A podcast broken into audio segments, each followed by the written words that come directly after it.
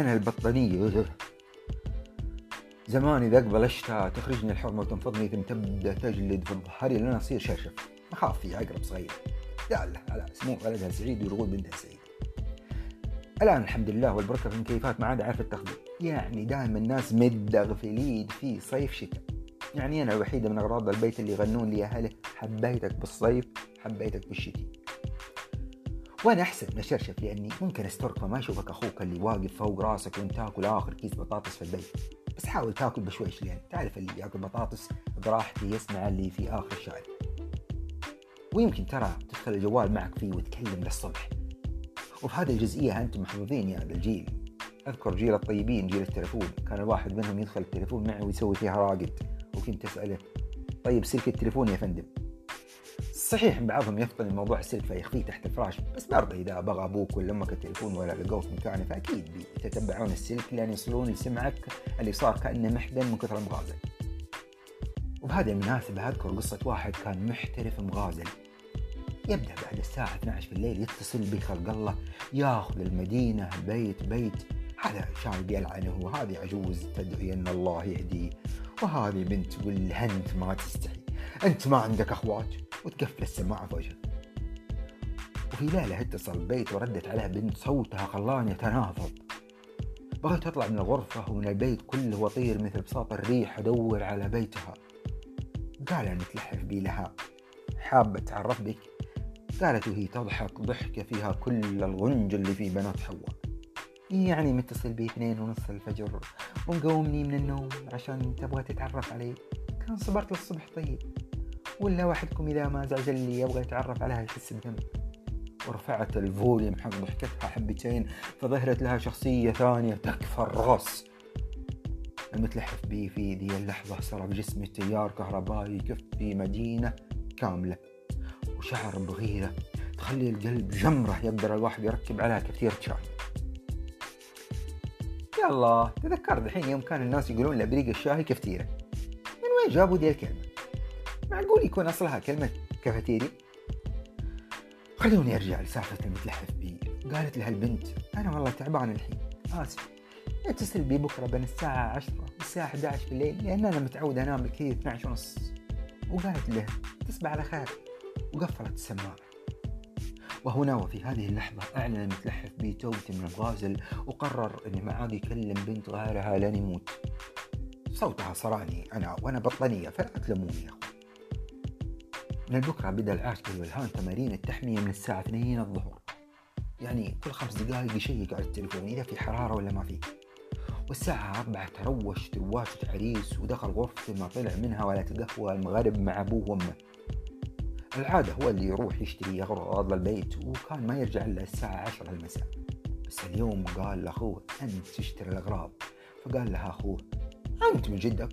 أنت ناسي بكرة امتحان أول مادة لي في الثانوية العامة فقال له مو أنا بعد عندي امتحان ولا أنت ناسي إن هذا آخر ترم لي في الجامعة. قال امتحان إيش؟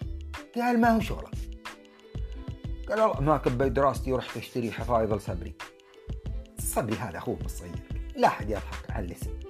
الناس فيما يعشقون مذاهب ولا ندري وش الظروف اللي كانت تمر بها العائله يوم سموا ولدهم صبري. خلونا نرجع لهوشة الأخوان. مسك أخوه بتلابيبه وهزه وقال من متى صرت تحلف علي؟ قليل الأدب.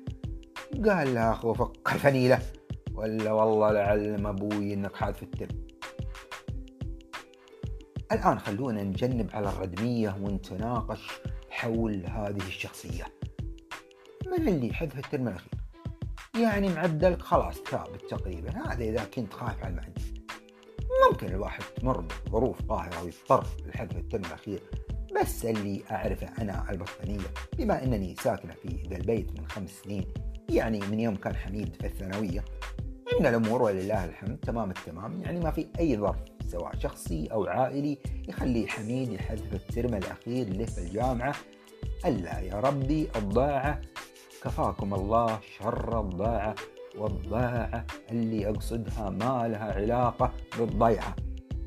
الضاعة اللي أقصدها شيء مثل العواصف تصيب الرأس فيلف ويلف ويلف لأن الواحد ما عاد يعرف يمينه من يساره.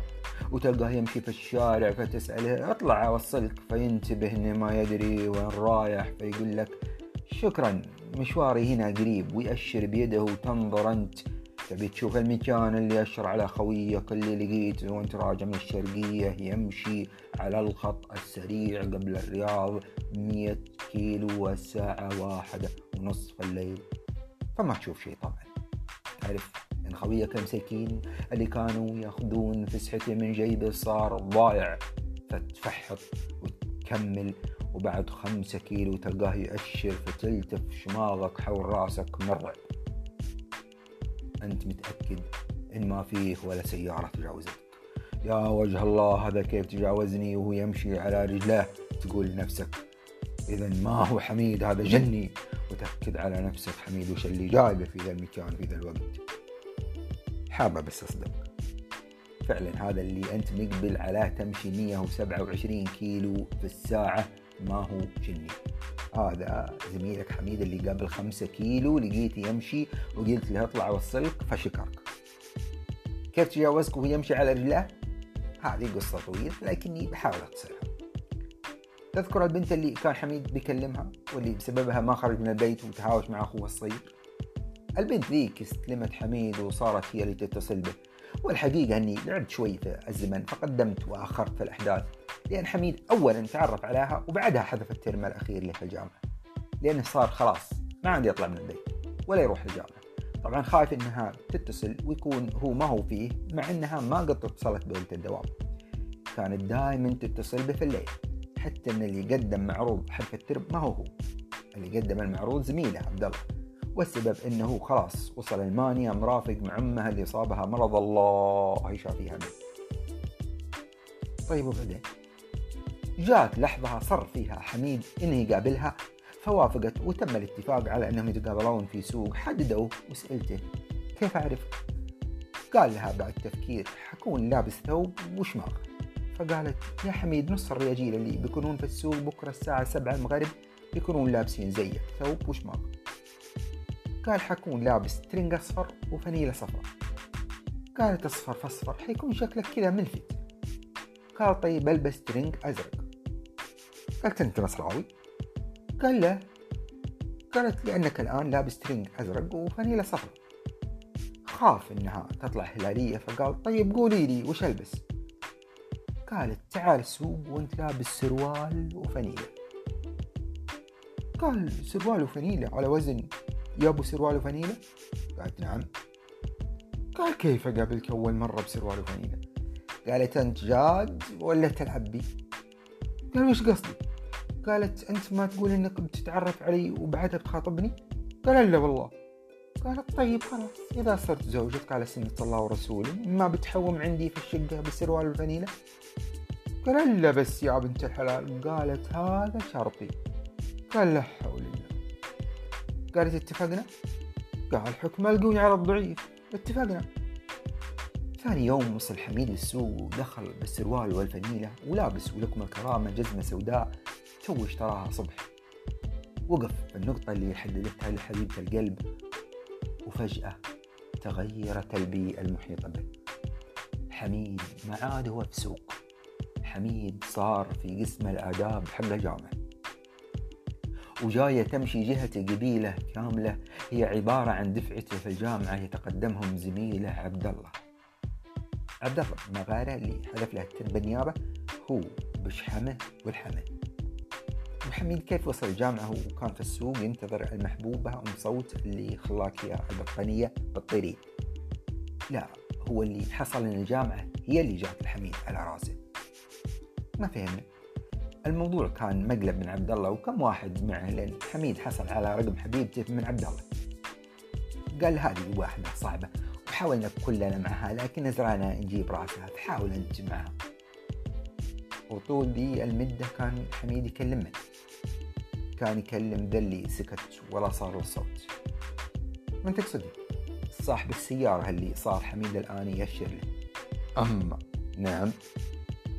يعني تسبب في أن حميد يفقد عقله ومع ذلك فحط عليها قبل شوي؟ شفتوا كيف في بعض الناس ما لهم قلوب؟ أعوذ بالله بس ما قلتي لنا يا بطانية حميد كيف سبقه وهو يقول إن ما في سيارة تجاوزته؟ كان طالع فوقي. كيف طالع فوقك؟ ما هو حميد رجع البيت ذيك الليلة ودخل وحطني على ظهره وعين الله عليه وعلي. طلع وصار يحوم وأنا فوق ظهره في صيف شتاء داخل الرياض وبعدها استلم خط الشرقية رايح جاي. الكلام ده قبل فينا من الطرق. طيب وكيف صرتي أنت تطيرين الله يهديك؟ يعني حدث العاقل ما عقل. الأمر ما هو معقد. كيف ما هو معقد؟ حميد صار الآن مخاوي خمسة جن كل واحد منهم تحت امرة جن أكثر من سكان الصين. طيب هم اللي يطيرون بي وبه متى ما بغى لكن شرط الجن أصحابه يكون وقت الليل قصة حزينة والله مسكين حميد ما يستاهل اللي حصل. لا اللي حصل حميد ولا شيء مع اللي بيحصل ذا اللي قام بدور حبيبته في المقلب إياه. وش بيحصل؟ له المرة ذي بيطل بيطلع حميد معهم وأنا معهم طبعا وبعدها بمساعدة الجن أصحاب حميد بنطير به هو وسيارته ولا بنوقع به إلا على سطح كوكب. سكانه ما يسوون شيء غير إنهم يعدون. كأن وراهم وحش مرعب ما يشوف غيرهم. فما معك إلا أنك تعدي مثلهم لأنك تطيح على وجهك مديدة من الظما والجوع لأنك ما تقدر تقف عشان تشرب أو تأكل لأنك تخاف الوحش اللي ما تشوفه يأكلك بسنونه. وطبعا من التعب مع إن اللي تشوفهم يعدون في الشوارع نسخ أهل الكوكب. فكل واحد في هذا الكوكب له نسخة يقوم بالجري بالنيابة عنه كنوع من الرياضة. لأن أهل هذا الكوكب مشغولين. الله لا يشغلكم إلا في الله. وانتي من جدك بتشيلون ذا الكوكب؟ إيه لكن لا تخافون ما بيكون حال.